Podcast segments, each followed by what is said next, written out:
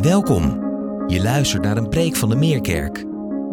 We hopen dat je door deze preek geraakt mag worden door de liefde van Jezus en dat je aangemoedigd mag worden om Hem samen met ons te volgen en van Zijn liefde te getuigen.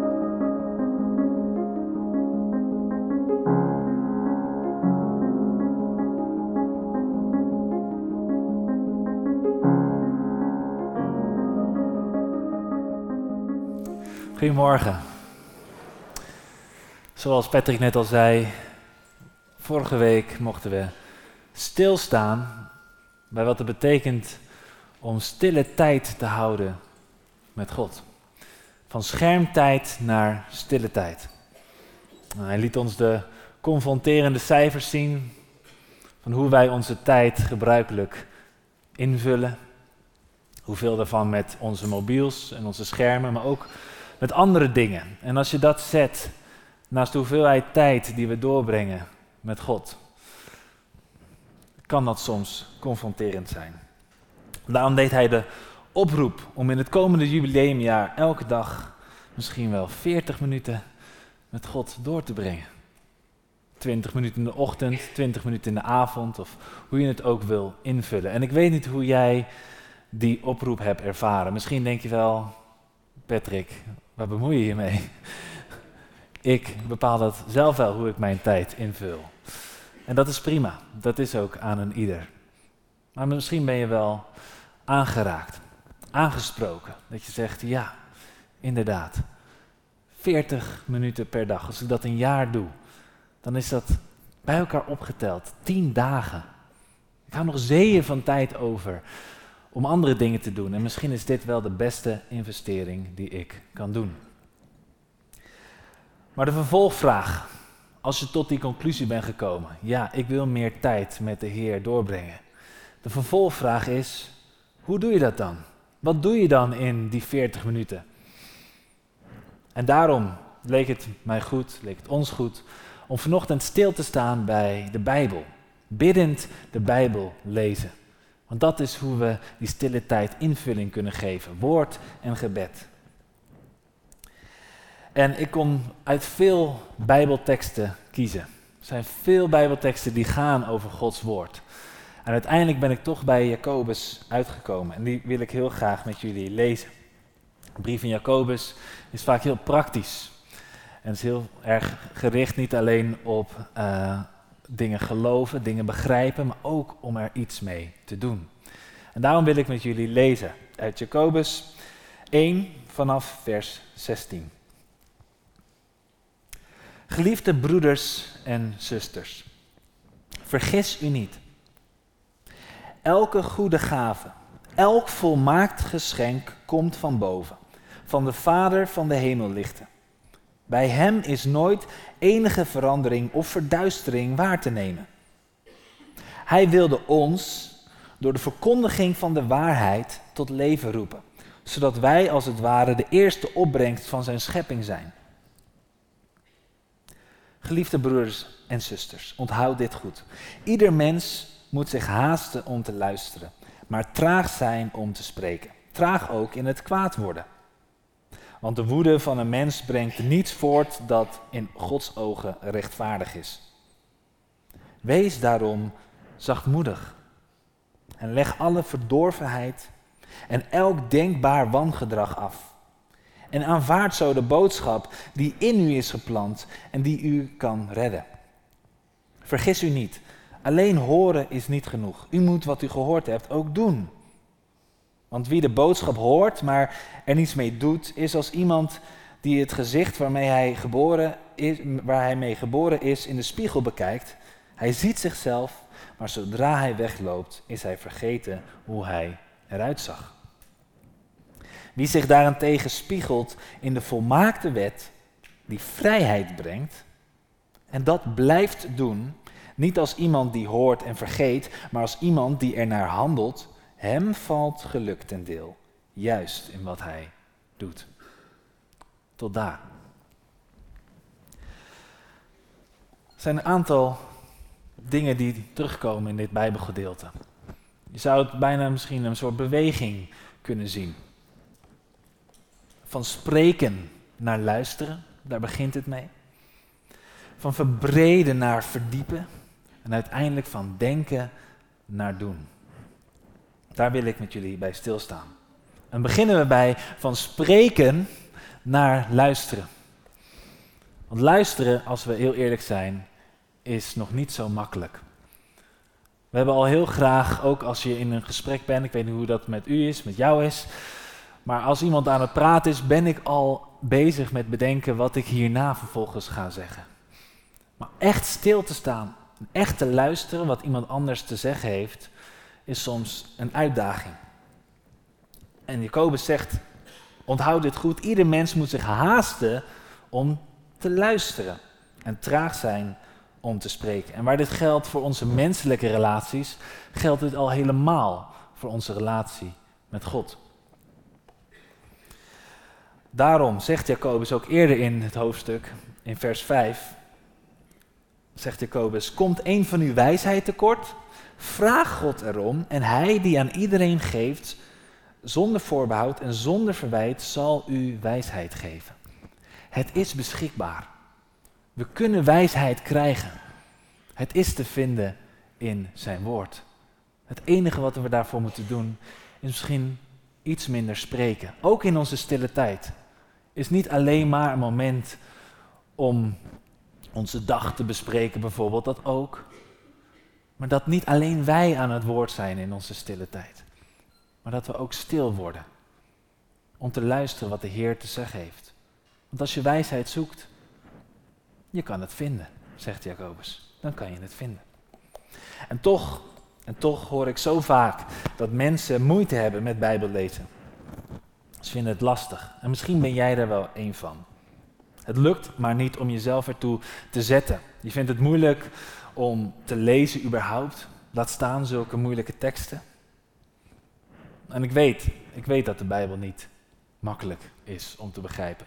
Afgelopen preekseries over Exodus en Openbaring was geregeld de reactie.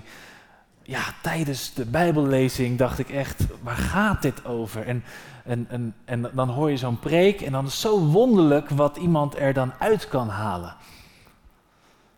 Nou, dan zou ik even eerlijk bekennen, als ik een preek moet voorbereiden en ik krijg een Bijbelgedeelte, de eerste keer dat ik hem lees, denk ik precies hetzelfde. Wat moet ik hier nou over vertellen?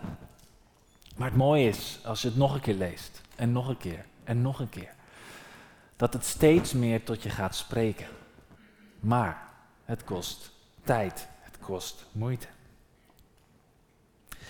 En wat ik veel mensen zie doen, omdat het misschien wel te veel moeite kost, is dat we de Bijbel indirect tot ons laten spreken, door middel van preken.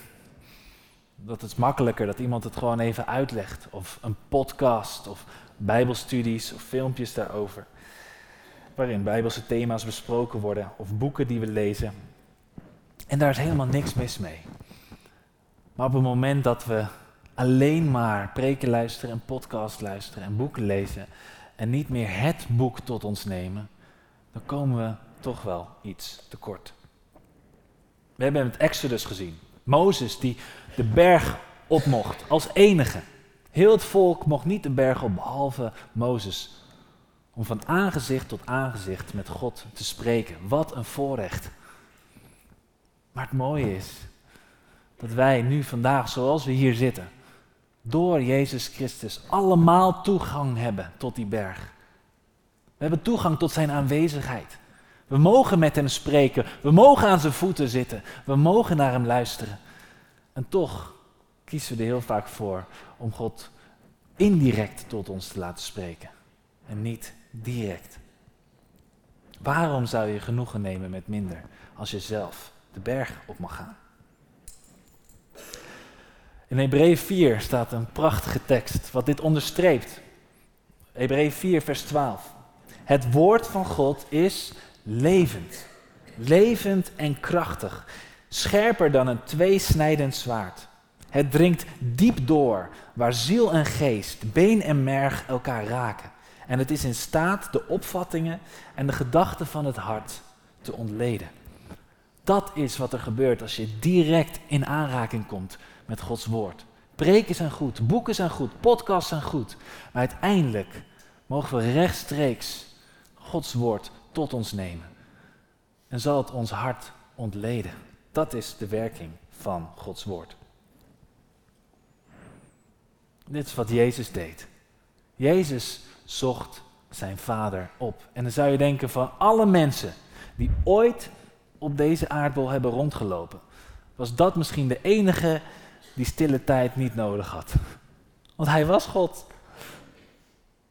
En toch vergeten we soms, ja, daar waar hij volledig God was, de zoon van God, was hij ook volledig mens. En in Filippenzen 2 lezen we dat. Hoe hij alles heeft afgelegd. Al zijn voorrechten als God zijn heeft hij afgelegd om neer te dalen en mens te worden. En daarom had hij het zo nodig om in afhankelijkheid van God te leven. Nou, als hij het al nodig heeft, hoeveel te meer hebben wij het dan wel niet nodig? Als hij voor een moeilijke beslissing stond, hij moest uitkiezen wie zijn discipelen werden. Hij ging naar een eenzame plaats om heel de nacht te bidden. Om uiteindelijk die moeilijke beslissing te maken. Hoe vaak heb jij dat gedaan? Toen je een moeilijke beslissing moest maken in je leven. Heb je God daarin gezocht en heb je proberen te luisteren naar wat Hij te zeggen heeft? Wij zien misschien Bijbellezen of stille tijd al heel snel als een moetje. Iets wat je af moet vinken, wat je gedaan hebt. Nou, heel goed. Staat op mijn to-do-list, een van de zoveel dingen die ik moet doen. Maar voor Jezus was het geen moetje. Het was een must. We zien hoe hij helemaal dood op was. Na een hele dag mensen genezen, onderricht te geven. Maar uiteindelijk, misschien wel toen iedereen lag te slapen, stond hij op om stiekem de eenzaamheid op te zoeken. Om in gebed tijd met zijn vader door te brengen.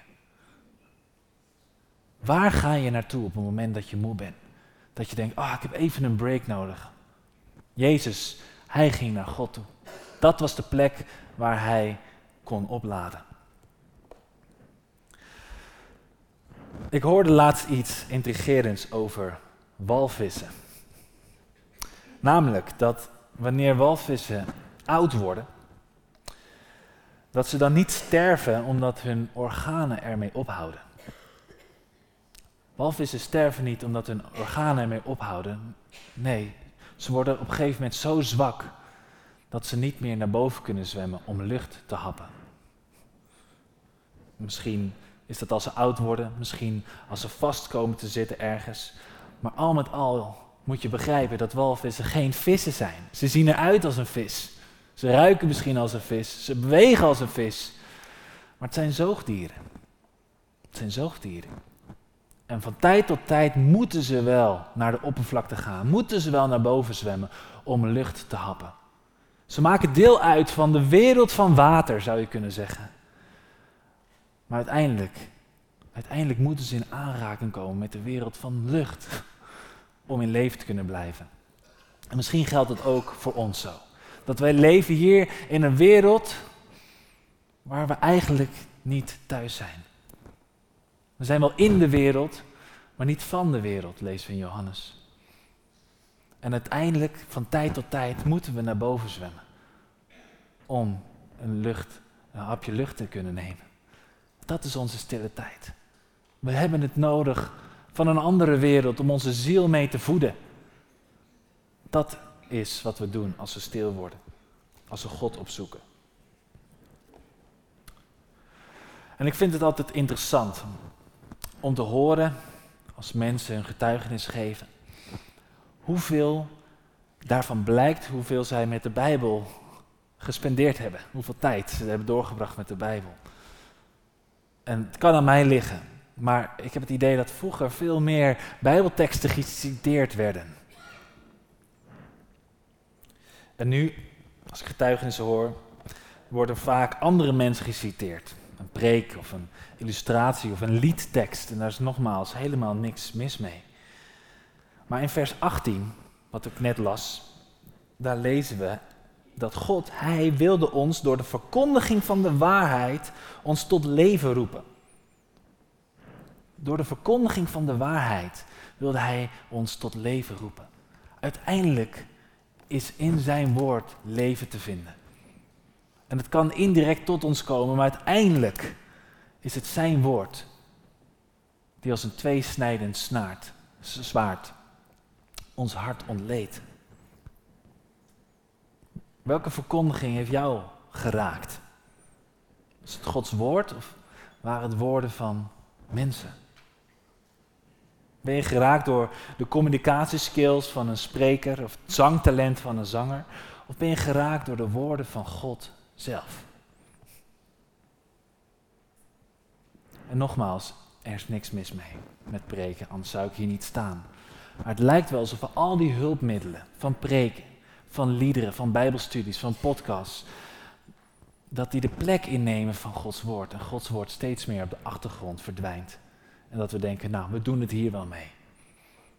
Maar hoe belangrijk is het om naast al die hulpmiddelen zelf in Gods woord te duiken en het tot je te laten spreken? Zo verbind je je aan God. Luisteren naar God. Dat was het eerste punt. Het tweede. Van verbreden naar verdiepen.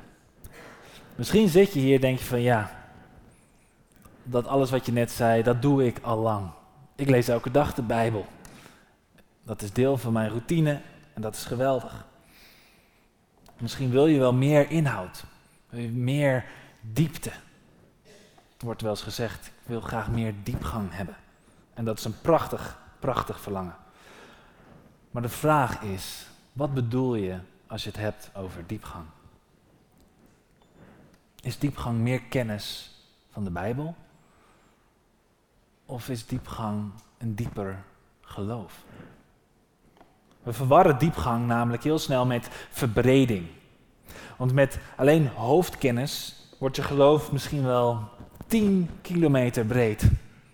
Je bent heel breed geïnteresseerd in alle thema's die in de, de Bijbel naar voren komen. Maar als die kennis niet maakt dat je je verootmoedigt voor God, dat je je leven ernaar in wil richten, dan blijft je geloof één centimeter diep. Daar word je een oppervlakkige christen van. Die vooral heel goed kan vertellen hoe de zaken in elkaar steken. Vooral wat er mis is bij de ander en niet zozeer bij zichzelf. Maar verdieping betekent niet alleen meer kennis van de Bijbel. Dat is verbreding van kennis. De enige manier om diep gat te kunnen graven is door te blijven staan op dezelfde plek. Niet om overal naartoe te gaan. Op, op dezelfde plek te blijven, daarop te blijven hameren, te blijven scheppen, te blijven graven. En die plek is Jezus Christus. Jezus en Jezus alleen. Daar, in Hem, is diepgang te vinden. En heel vaak wordt dat verondersteld. Van ja, het evangelie van Jezus, dat kennen we nu wel. Dat ken ik nu wel. En natuurlijk is dat mooi en is dat goed, maar ja, dat is stap 1. En vervolgens kunnen we nu echt de diepgang. Kunnen we bijbelstudies gaan doen en allemaal thema's uh, uh, aan gaan snijden en onderzoek doen. Maar op het moment dat je zo denkt, op het moment dat, dat het evangelie van Jezus Christus gesneden koek is, dan zit je in een probleem. Dan ben je gestopt met graven. Dan dacht je, nou, dit is wel diep genoeg voor mij. Ik ga even kijken waar, of er een andere plek is waar ik ook mooie pareltjes kan vinden. Maar de echte parels zijn te vinden als je blijft graven op diezelfde plek. Jezus en Jezus alleen. Wie is Hij? Wie is Hij? Ken je Hem? Ken je Hem? De Bijbel wordt al zo snel een studieobject.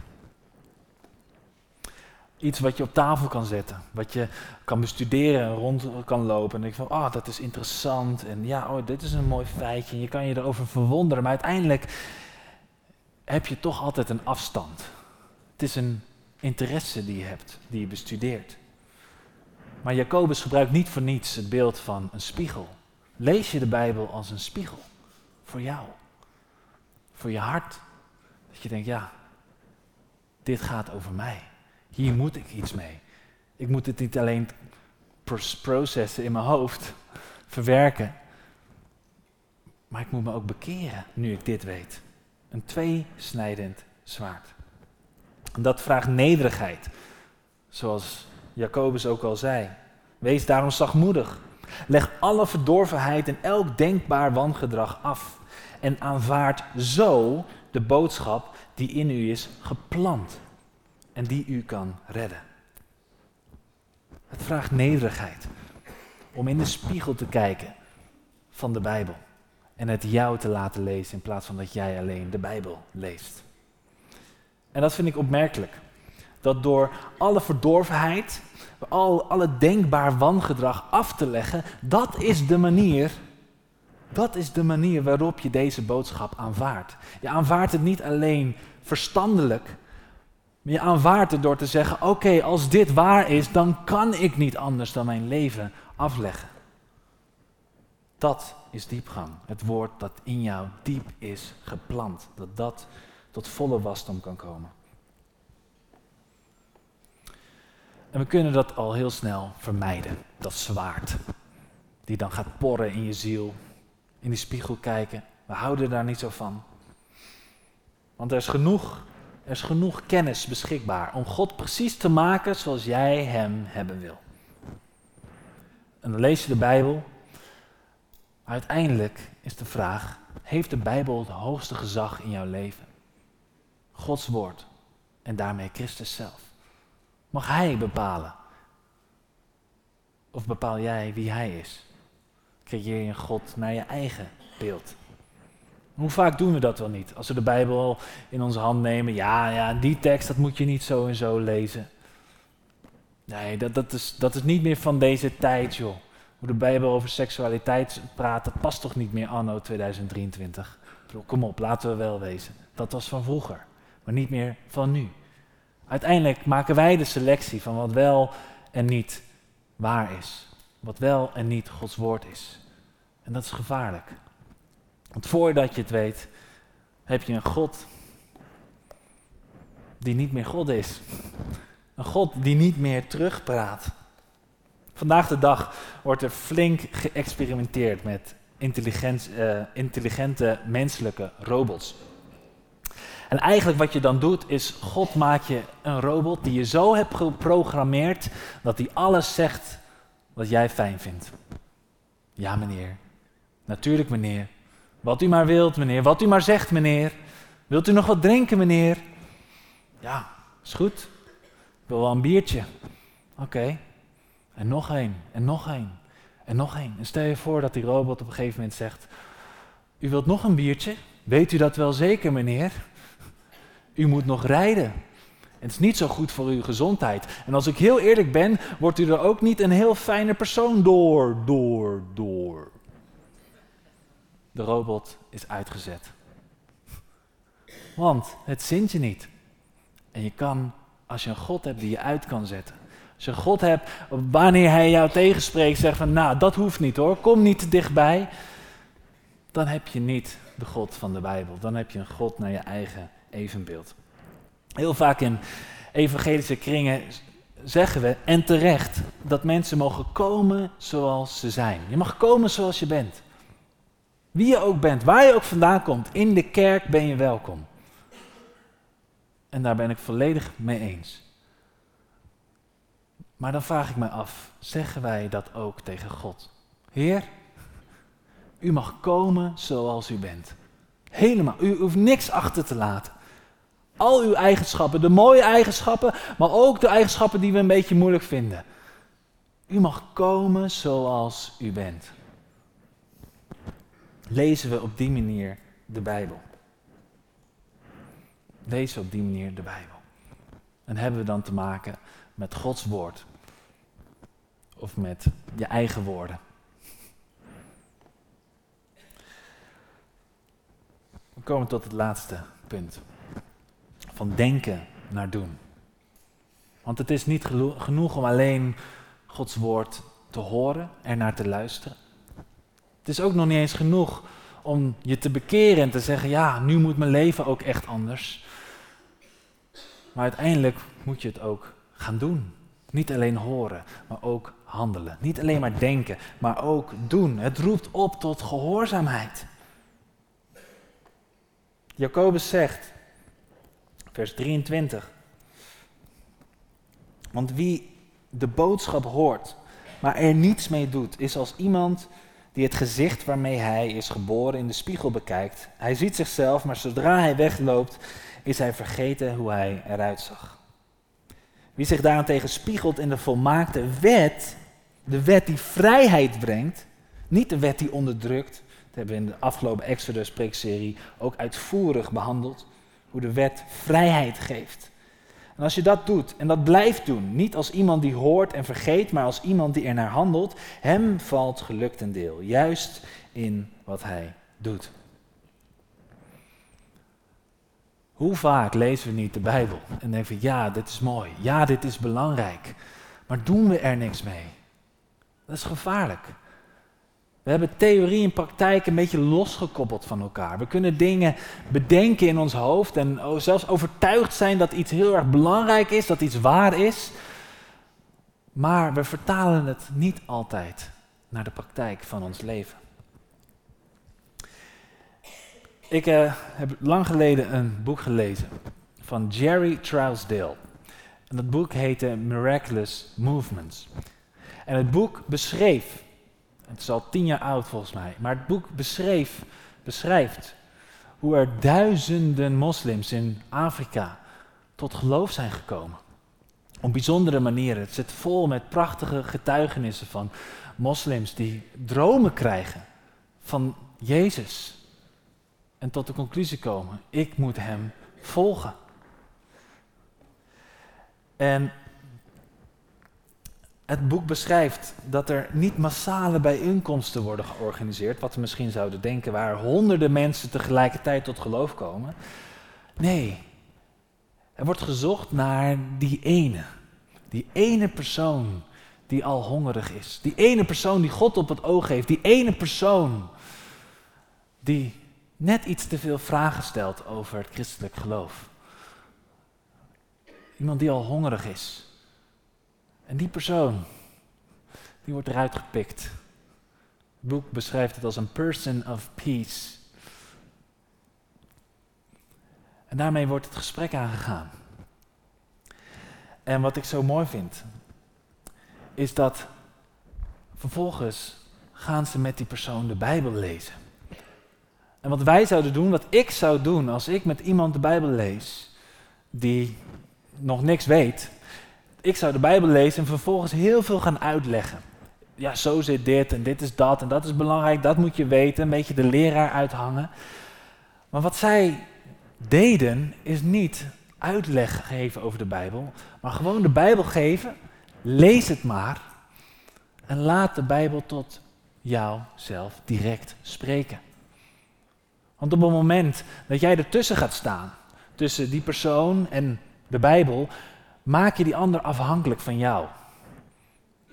Van ja, ja, ik kan de Bijbel zelf niet lezen, want ja, straks haal ik er verkeer, trek ik er verkeerde conclusies uit. Of nee, ik heb, een, ik heb een leraar nodig die mij uitlegt wat het betekent, wat erin staat.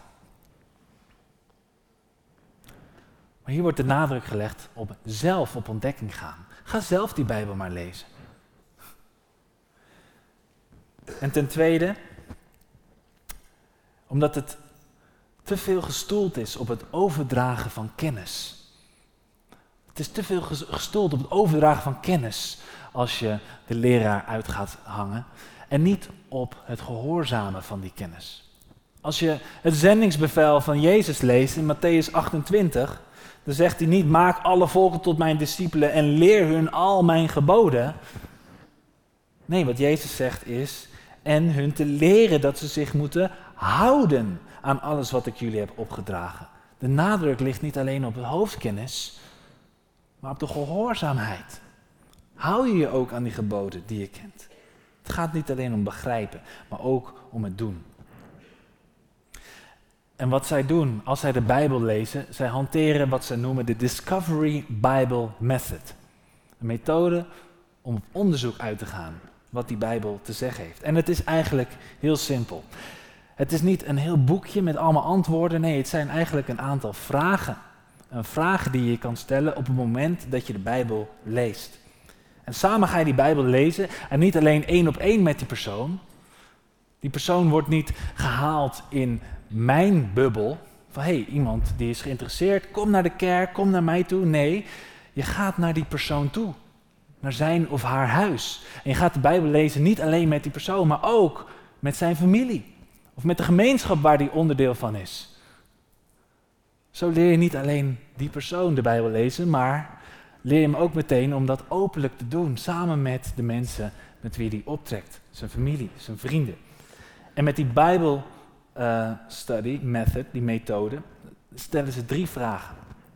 Eén, wat zegt deze passage?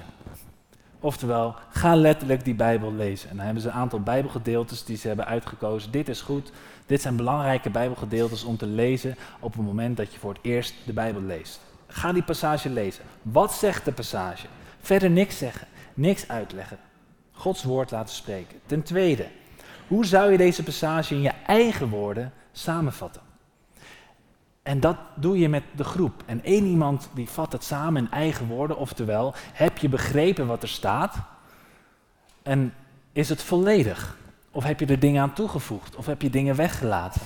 En met elkaar ga je op onderzoek uit van, nee, hebben we begrepen wat hier in Gods woord staat?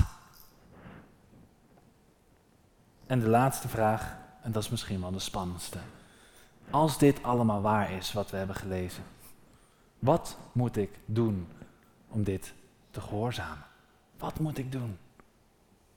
En die sessies eindigen dan ook met dat ze in hun boekje opschrijven: Ik ga, puntje, puntje, puntje.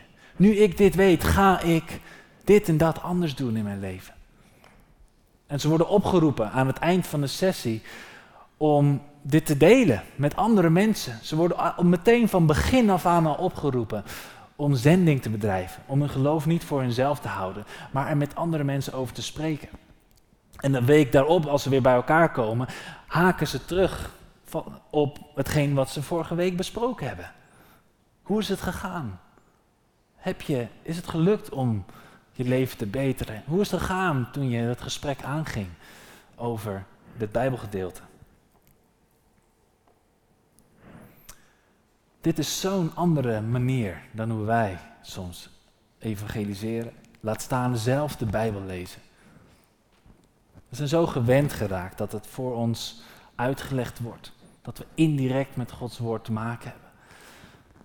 En we zijn zo gewend geraakt om kennis tot ons te nemen, zonder erbij onszelf de vraag te stellen: wat ga ik ermee doen? Er is niks ergers Gods wil weten en er niks mee doen. En dan willen we nog meer Bijbelstudie. Dan denk ik van, hoeveel preken heb je al niet gehoord? En hoeveel daarvan heb je al uh, deel gemaakt van je dagelijkse praktijk? Moet je daar niet eerst mee beginnen? Een mooie quote uit het boek. Hij zei: God's love language to us is mercy and grace. Gods manier om liefde te laten zien is genade en liefde. But our love language to God is loving obedience. Onze liefdestaal naar God is onze gehoorzaamheid. Als we doen de wil van de Vader, daarmee hebben we Hem lief. En dit zien we terug in het leven van Jezus. Als je denkt, ja, hoe kan ik God nou gehoorzamen? Waar haal ik nou die kracht vandaan? Jezus vraagt niet iets van je wat hij niet eerst zelf heeft gedaan. Hij was gehoorzaam, gehoorzaam tot in de dood. En wat hij voor jou heeft gedaan en wat hij jou aanbiedt is zoveel meer dan wat hij van je vraagt. En wat hij van je vraagt is niet als een voor wat hoort wat. Ik heb iets voor jou gedaan, moet jij mij elke keer gehoorzaam zijn. Nee, dit is de manier waarop we onze redding eigen maken. Dat is wat Jacobus zegt. Dit is de manier waarop we Gods boodschap aanvaarden. Als we in alle nederigheid ons bekeren en zeggen: Ja, als dit waar is, kan ik niet anders. Kan ik niet anders dan mijn leven te beteren. Een andere weg in te slaan en mij te bekeren. Niet alleen maar informatie, maar transformatie. Veranderd worden, een ander leven leiden. Door de kracht van de Heilige Geest. Elke goede gave, elk volmaakt geschenk komt van boven, van de Vader. En Hij wil jou door de verkondiging van de waarheid tot leven roepen. Van spreken naar luisteren. Van verbreden naar verdiepen. En van denken naar doen. Aanvaard de boodschap die in, die in jou is geplant. En handel ernaar. Laten we bidden.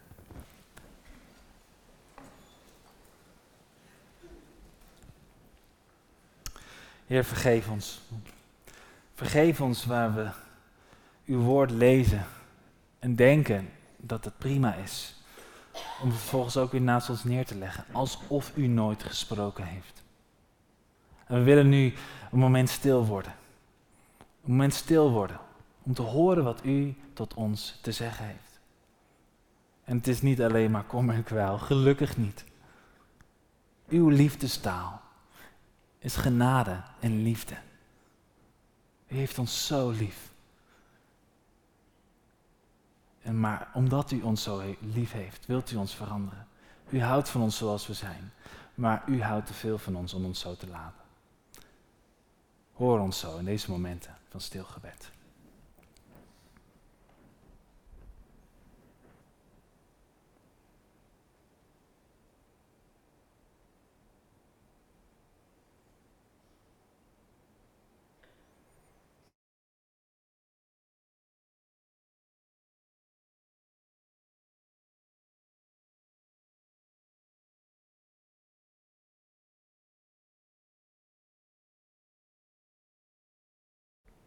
Dank u wel, Jezus. Dank u wel dat u gehoorzaam was tot in de dood. Dank u wel dat u niet alleen doorspekt was met Gods woord. En u wist alles op te noemen, elke Bijbeltekst. Maar dat u er ook naar handelde, dat u gehoorzaam was. En help ons, Heer, in onze gebrokenheid waar we het moeilijk vinden om te doen wat u van ons vraagt, om de Bijbel te lezen als een spiegel wat soms zo confronterend is om in te kijken, help ons Heer om het te doen. Toch, uw woord, als een tweesnijdend zwaard, die met chirurgische precisie ons hart wil ontleden. Maar u doet dat vanuit uw liefde en uw genade om ons vrij te maken. Help ons, Heer, om niet alleen te horen, maar er ook naar te handelen. Om niet alleen onze kennis te verbreden, maar om ons geloof daarin te verdiepen. Ons geloof in u, Jezus Christus. Niet een concept, niet een idee, maar een persoon. Een persoon die we niet hoeven te begrijpen, maar een persoon die we mogen vertrouwen en die we mogen liefhebben. Dat bent u, Jezus Christus. Amen.